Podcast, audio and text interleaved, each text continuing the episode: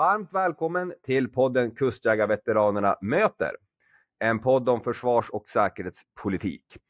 Vi har tidigare gästats av David Bergman, major och doktor i psykologi samt verksam vid Försvarshögskolan, Stefan Ring, överstelöjtnant och tidigare strategichef vid densamma, Oskar Jonsson, doktor i krigsvetenskap samt ingen mindre än Håkan Syrén, general och Sveriges tidigare överbefälhavare.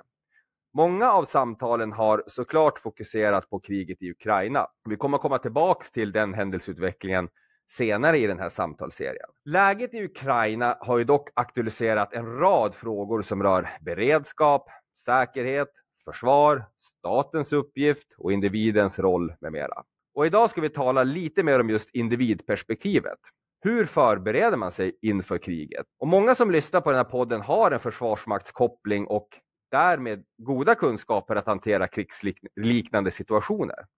Men låt oss dyka lite djupare i vad som krävs och vad som måste vara på plats hemma, rent praktiskt, men inte minst mentalt när man förbereder sig inför en krigsliknande situation. Vilka åtgärder kan vara bra att vidta för att klara av ett liv utan el, rinnande vatten, oro, desinformation och, och kaos? Som sagt, frågan under, har blivit allt mer aktuell under 2022 som en konsekvens av, av kriget i, i Ukraina. En person som har djupdykt i ämnet är specialistofficer Miguel Guerro som har skrivit en bok vid namnet Krisberedskap för alla. Där han besvarar frågorna om hur du bäst förbereder dig för samhällskris eller krig. Och det ska vi tala med, med honom om. Vi säger varmt välkommen till dig Miguel. Tack så mycket. Eh, du, börja berätta lite kort om dig själv. Specialistofficer, författare. Vad gör du på dagarna? Eh, jag är ju egentligen journalist i grunden, så har min bakgrund inom skrivandet. Sen eh, sadlade jag om, hamnade som civil specialist i Försvarsmakten, hann med någon vända som eh, chef psykologiska operationer i Afghanistan. Sen rullade jag ut och in lite grann i Försvarsmakten innan jag tog steget och blev specialistofficer på äldre dagar och idag så är jag tjänstledig, jag skriver på min andra bok och eh, giggar lite grann inom den privata säkerhetsbranschen. Och du nämnde där Afghanistan och vi måste bara kort beröra det faktum att vi har varit kollegor. Vi var några veckor tillsammans i Afghanistan och jobbade med psykologiska operationer vid en så kallad, så kallad eh, handover takeover. Jag var nere lite före dig, sen kom du och ditt team och fortsatte arbeta, eller hur? Jajamensan, vi fick ett väldigt fint mottagande av er. Bara kort, vad är erfarenheterna från Afghanistan och att ha arbetat med psykologiska operationer? Hur var din tid? Eh, den var ganska fantastisk, tycker jag. Det är ju väldigt svårjobbat. Det är ju många kulturella skillnader som ska överbryggas.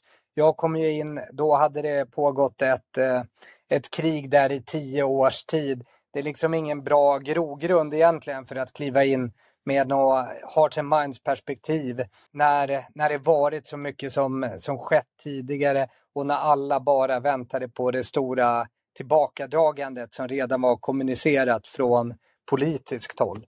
Men det var ju otroligt spännande om man säger ur, en, ur ett utvecklingsperspektiv både för mig och för funktionen. Ja, men jag delar absolut den, den beskrivningen av, av, av erfarenheten där, helt klart. Nu ska vi prata om krisberedskap för alla. Det kommer att innefatta lite, kanske inte psykologiska operationer, men desinformation som är en del av, av, av den frågan, men mycket annat också. Varför en sån här bok, eh, Miguel? dels var det så att jag, eh, jag hade skrivit några krönikor som handlade lite grann om beredskap som florerade på nätet i, i olika kontexter. Och sen var det en förläggare som eh, ville snacka med mig om, om vi skulle ge ut en bok ihop om det här kolla lite om det var möjligt och eftersom mina tankar gick att folk i allmänhet inte är så förberedda för kriser i Sverige. Vi har en ganska dålig grundberedskap. Så jag kände att eh, det var på plats faktiskt. Vi hade väl sett det under pandemin också att folk var inte riktigt mentalt rustade i första hand för den här typen av kris. Så jag tyckte att det fanns, det fanns en lucka. Det fanns, inte, fanns inga böcker som egentligen adresserade det på det breda sättet som jag vill approchera ämnet. Ja, där har du helt rätt i. Det var ju pandemi faktiskt före, före kriget så att säga. Och ja, egentligen nu står vi inför en energikris som kan drabba Europa och Sverige där vi behöver vara rationella i hur vi använder energin. Det, det är ett aktuellt ämne du har valt. Ja, Och eh, det har ju också märkts på mottagandet av boken. Eh, det, har gått, det har gått bra, i synnerhet för en debuterande författare. Men man märker att det är ganska eh, det, det, är ett populärt ämne, det är ganska högt tryck på att få mer information om krisberedskap. Men det vi pratar om egentligen är ju det, det som i folkmun kallas prepping. Att på olika sätt förbereda sig inför en situation då mycket som man tar för givet slutar att fungera. Väldigt praktiskt inriktat egentligen och det handlar om att vara prepared, förberedd. Är det så du ser definiera prepping också eller har du utvecklat under författandet av boken? Ja, alltså jag, min bok har ju undertiteln En handbok för dig som inte är prepper. För att preppers är ju, för mig är preppers de som tar krisberedskapen på extremt stort allvar, så pass att det övergår från att ha en grundberedskap till dess att det blir ett stort, ibland allomfattande intresse. Det blir snarare en livsstil än att bara förbereda sig. Och preppers kommer alltid att klara sig. Det, ibland har jag fått den här vibben när jag gjort intervjuer att folk tänker att jag på något sätt bashar prepperkulturen. Och det gör jag absolut inte. De kommer att klara kriserna alldeles utmärkt. Men jag har skrivit en handbok för dem som inte orkar lägga så mycket tid och energi och framförallt pengar på att förbereda sig som jag tycker att preppers gör. Där blir det lite av en, lite av en eh, material och materielsport helt enkelt. Och jag tycker man klarar sig med ganska små medel. För det allra, det allra mesta man behöver göra är ändå mentala förberedelser och de är gratis. Ja, lite extremfall så har det blivit ännu en anledning för medelålders män att gå och köpa dyra coola prylar och ha på hyllan. Är det lite det du säger? Och så försöker du vrida det här till vad, vad är det alla behöver veta egentligen och de som inte vill lägga tusentals kronor på det.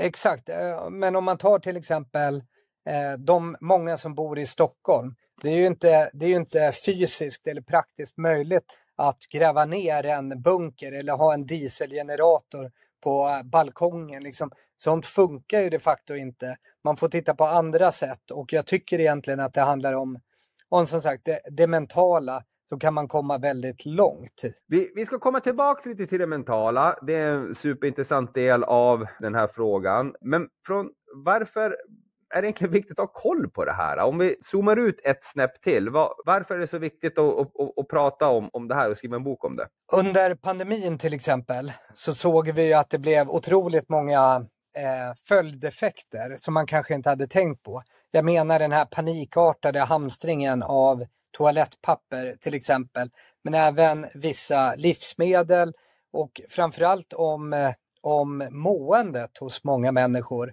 att man gick ner sig. Man tappade framtidshopp, eh, livslust.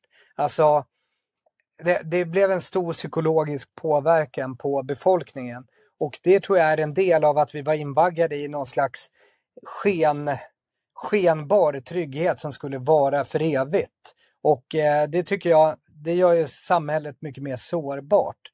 Och därför kände jag att eh, det behövs någonting som ruskar om, men sen, det var ju pandemin då, men sen behöver vi också lära oss hur kan vi jobba med oss själva så vi får ett robustare samhälle? Rubriken bygger kring ordet krisberedskap, krisberedskap för alla. Vad är krisberedskap i detta avseende? Vad är det vi talar om för förberedelser och händelser egentligen? Vi har nämnt situationen i Ukraina, den är extrem, krig är extremt per definition kan man väl nästan säga. Pandemin, vad, om vi ska bry, bryta upp det lite? Jag skulle vilja säga att eh, förberedelserna är, så, som i min bok, jag tar ju upp förberedelser som handlar om att planera. Inte, det är väl huvudtesen i min bok, att lära sig planera och förbereda sig utifrån sina egna förutsättningar. Och gör man det, jag har i min bok scenarier som till exempel att man går vilse eller eh, e, stort elavbrott, ett längre elavbrott. Men egentligen spelar det mindre roll, för förbereder du dig för en eller två eller tre typer av kriser så kommer du ha överspridningseffekter. Blir du mentalt rustad så kan du hantera andra former av kriser och lär du dig planera för dem själv utifrån dina förutsättningar, då kan du planera för vilken kris du än tycker är rimlig i din situation. Men nämn några situationer till. Vi har elavbrott, vi har såklart krig då, pandemi som betyder isolering. Då, hjälp mig, vilka fler lägen talar vi om? Ja, men jag, jag har också ett scenario. Det kan handla om att se en bilolycka till exempel. Det är ju inte en samhällsomstörtande kris på något sätt. Men det är fortfarande en, en kris utifrån att du kan ställas inför en situation du inte är rustad att hantera. Men det är ju en ganska vanlig kris som många någon gång i sitt liv kommer att bevittna, åka förbi. Och det är också en sån kris som är bra att lära sig hantera. För att då har du ju överspridningseffekten. Du kan hantera ett sjukdomsfall på gatan kanske. Eller e-, ett hjärtstopp eller någonting. Om du förbereder dig för en bilolycka och vad du kan möta där. Så det, det, egentligen har jag bara försökt ha olika scenarier med en viss bredd för att få igång tankeverksamheten. För planeringsarbetet sen, planeringsprocessen, den är ju likartad vilken kris du än planerar för. Du är inne mycket på i boken just kring det här, eh, den mentala förberedelsen, vikten av att liksom, tänka tanken eh, vad gäller hur man kan, bör, ska agera, planera innan någonting sker. Eh, är det så att kanske vi svenskar är lite bortskämda med att staten, systemet tar hand om det mesta i, vanligtvis och gör oss som en konsekvens av det lite extra sårbara? Frågetecken. Ja, det tycker jag absolut att man kan säga. Alltså, MSB säger idag att vi ska ha beredskap för att klara en vecka hemma med mat och vatten. Eh, de tidigare råden har ju varit, vi har ju pratat om 72 timmar hit och dit. Nu är det utökat till en vecka. Ändå visar undersökningar att det är relativt stor andel av befolkningen, i vissa områden i alla fall, som inte tror att de klarar, eh, om jag minns rätt var det 4 till 10 timmar utan att få hjälp utifrån. 4 till 10 timmar. Jag menar, eh, kustjägare inte minst. Nej, jag vet ju att man kan ju sitta under en gran och göra ingenting mycket längre tid än så och klara en kris. Men folk har alltså en sån psykologisk beredskap där man inte tror att man klarar ens ett halvt dygn utan stöd utifrån. Det är ju orimligt. Jag menar alltså, absolut, och, och, och frågan jag kommer att tänka på, är det så att vi har de förutsättningar som krävs i Sverige för att närma oss frågan? Hur har liksom ditt resonemang, resonemang tagits emot? Um, du har, du, jag, jag, vet att du har medverkat och, och pratat om frågan i, i, i, olika sammanhang ganska långt utifrån det militära. Hur, hur har, när du, när du trycker på de här äh, ömma punkterna, hur tas det emot? Ja, jag tycker generellt att det tas emot ganska bra. Pandemin väckte folk lite ur dvalan och nu på senare tid med, eh, med eh, kriget i Ukraina så har ju folk verkligen vaknat till. Så jag tycker att folk tar det ganska bra. Det jag tycker att vi måste komma åt är att det fortfarande finns en, en eh, lite av en beröringsskräck upplever jag ibland. Och det, det handlar framförallt om planeringen. Att många skjuter ifrån sig sådana här tankar. Usch, det vill, jag, det vill jag inte tänka på och så trycker man bort det som att det skulle innebära att, att det automatiskt kommer att inträffa om man planerar för det istället för att istället skapa sig ett skydd för om det nu skulle ske. Um, och det är en liten bit kvar innan vi är där, men jag tycker att de mest diversifierade sammanhang börjar nu höra av sig och, och eh, vill att jag ska prata om det. Så jag tycker att folk, folk börjar vakna till liv ändå. En delfråga då vad gäller att förbereda sig för, för kris och krig, eh, att upprätta en individuell krisberedskap om man så vill för sig själv eller, och eller för sin familj eller närmsta krets, är ju den om vad som är sann information och inte i krislägen. Och med tanke på din bakgrund. Ehm, du har arbetat med psykologiska operationer. Vi hade David Bergman, en kollega till oss, tidigare kollega till oss båda, som, som jobbar med det här på daglig basis också. Så, så jag är lite intresserad av ditt resonemang kring just det. Eh, hur, hur, hur ska man tänka som individ vad gäller att få, få, rätt, få, få tag i rätt information vid stressade tillfällen när, när mycket som vi tar för givet börjar ramla ihop? Jag tycker att först och främst ska man använda de etablerade kanaler som eh, finns för det här. Och det är krisinformation.se eh, och eh, P, P4 som har i uppdrag att sända den typen av information. Jag tycker inte att man ska göra som jag tycker sker så mycket idag, att vända sig till Facebook och Instagram för, för att egentligen bara mätta sitt informationsbehov. Sen tycker jag också när det gäller just det här med desinformation. Idag törstar folk efter sekundsnabb information och vi får panik när vi upplever att vi, att vi inte har tillräcklig lägesbild. Och där tycker jag också rätt förberedelser gör att du kan hålla ut lite grann. Saker kan ske men du behöver inte stressa upp dig. Information kommer att komma när det finns möjlighet. Det kan ju vara så att det kommer att vara poliser som åker runt eller någon annan myndighet skickar runt högtalarbilar och ropar ut saker. Men ibland måste man ha lite is i magen. Och sen tycker jag att det också handlar om att, att eh, tänk, tryck, eh, tala tycker jag fortfarande är en bra devis. Även om du, du läser någonting, du hör någonting, gör en bedömning så här. För det första, är det, är det sannolikt? Men sen tycker jag också att man ska vila på hanen. Bara för att du bedömer att det är sannolikt och, eh, och det stämmer överens med din bild. Vad, vad tjänar man på att dela ut den vitt och brett? Alltså, behöver man dela allting man hör?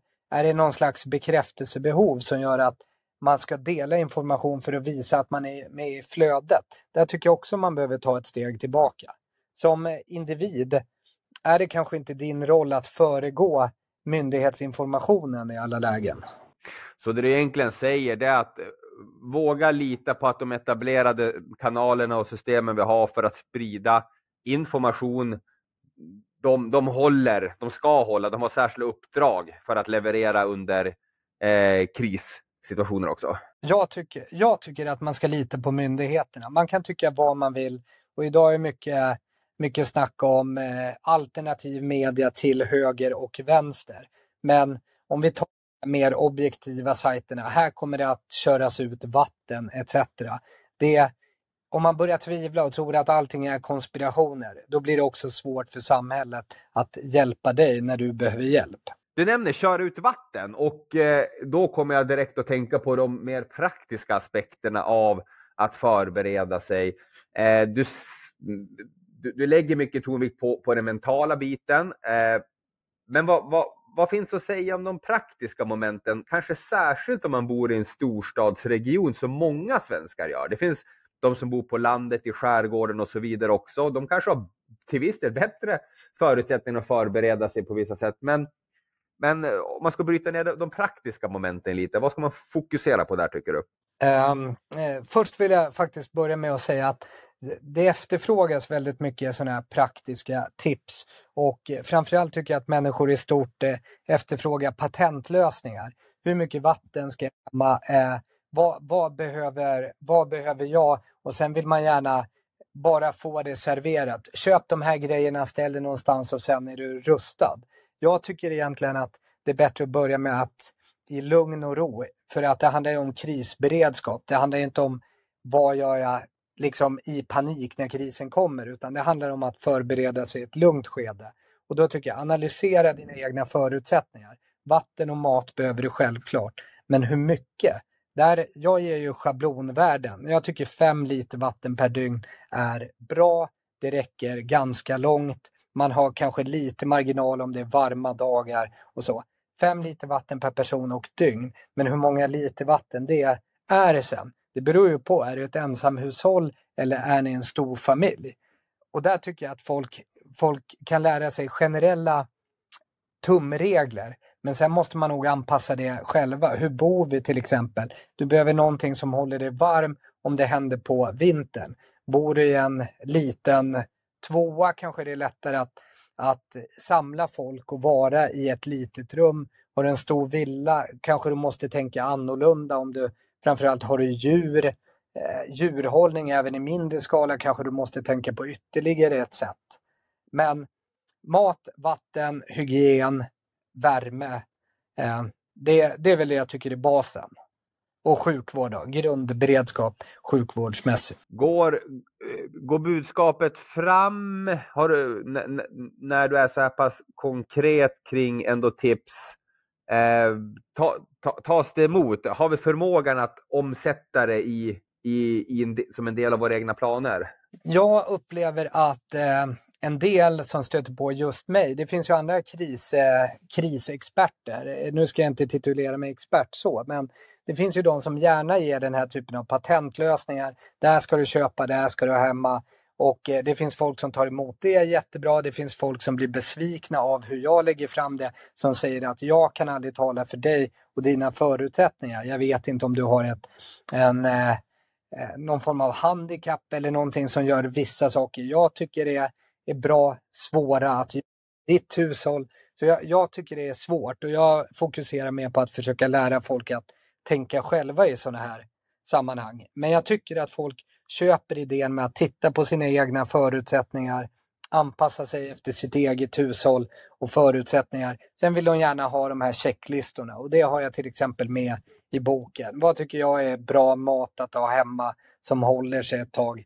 Hur mycket vatten? Hur ska jag räkna lite grovt på kaloriintag för att jag inte ska svälta? Hur kan jag hur kan jag sammanställa min krisberedskap? Jag förespråkar att man lägger pannlampor inte minst, en, en, grej som jag tycker är viktig. Att man packar allting i en låda som är lättillgänglig och märker upp den. Gärna med en inventeringslista så vet man direkt vad man har om krisen kommer. Att man övar med den utrustning man väljer att ha. Köper du ett spritkök som du också ska ha hemma eller någon form av multifuelkök Köper du ett spritkök, då ska du öva med ditt spritkök. Köper du ett gaskök, övar du med det.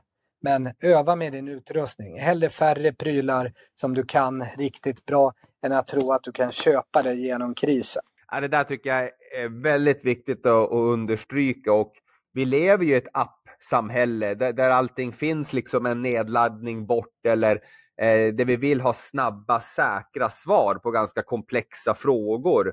Eh, och det är någonting som jag tänker eh, tränger in i, den, i det här temat också. Så att eh, eh boken hjälper oss verkligen att tänka själva eh, efter de förutsättningarna vi har. Men sen är det också en del konkreta liksom, checklistor som för den riktigt oroliga som man kan bocka av och, och, och se till att och, och, och, och, göra de rätta inköpen. Eh, det är en bra balans där, det tror jag behövs. Ja, ja men eh, sen, jag tänker också väldigt mycket på det här med, eller får många frågor som handlar om det här med eh, grupp kontra att vara individ. Eh, och där, jag förespråkar ju grupplösningar. Det vet ju alla som varit till exempel i Försvarsmakten att ensam är man inte alltid så himla stark. Man hittar både styrka och man hittar lösningar och man kan hjälpa varandra, man kan växeldra och man går samman. Många ser ju bara om jag har x antal resurser och vi blir fler, då kommer det att kosta mycket mer, det tar slut snabbare. Men jag tycker man missar ganska ofta hur mycket extra det kan ge att vara fler personer. Att bor man nu i en eh, bostadsrättsförening i Stockholm, de flesta av oss känner ju knappt våra grannar. Men egentligen skulle man ju prata lite mer med dem, diskutera hur gör vi som, som kåk om någonting händer, om vi får eh, elavbrott, liksom, kan vi stötta varandra? Är det någon som har det svårare som vi behöver ta hänsyn till? Vi behöver satsa mer på den gemenskapen. Många som lyssnar på den här podden har någon form av försvarsmaktskoppling eller bakgrund. Kan de här personerna tänka på något ytterligare i, i, i sådana här lägen eller i förberedelsen av sådana här lägen? Eller är det att överanalysera så att säga? Nej, eh, en viktig sak som jag tycker att personer med kompetens och eh, ja, som man ofta får då inom Försvarsmakten.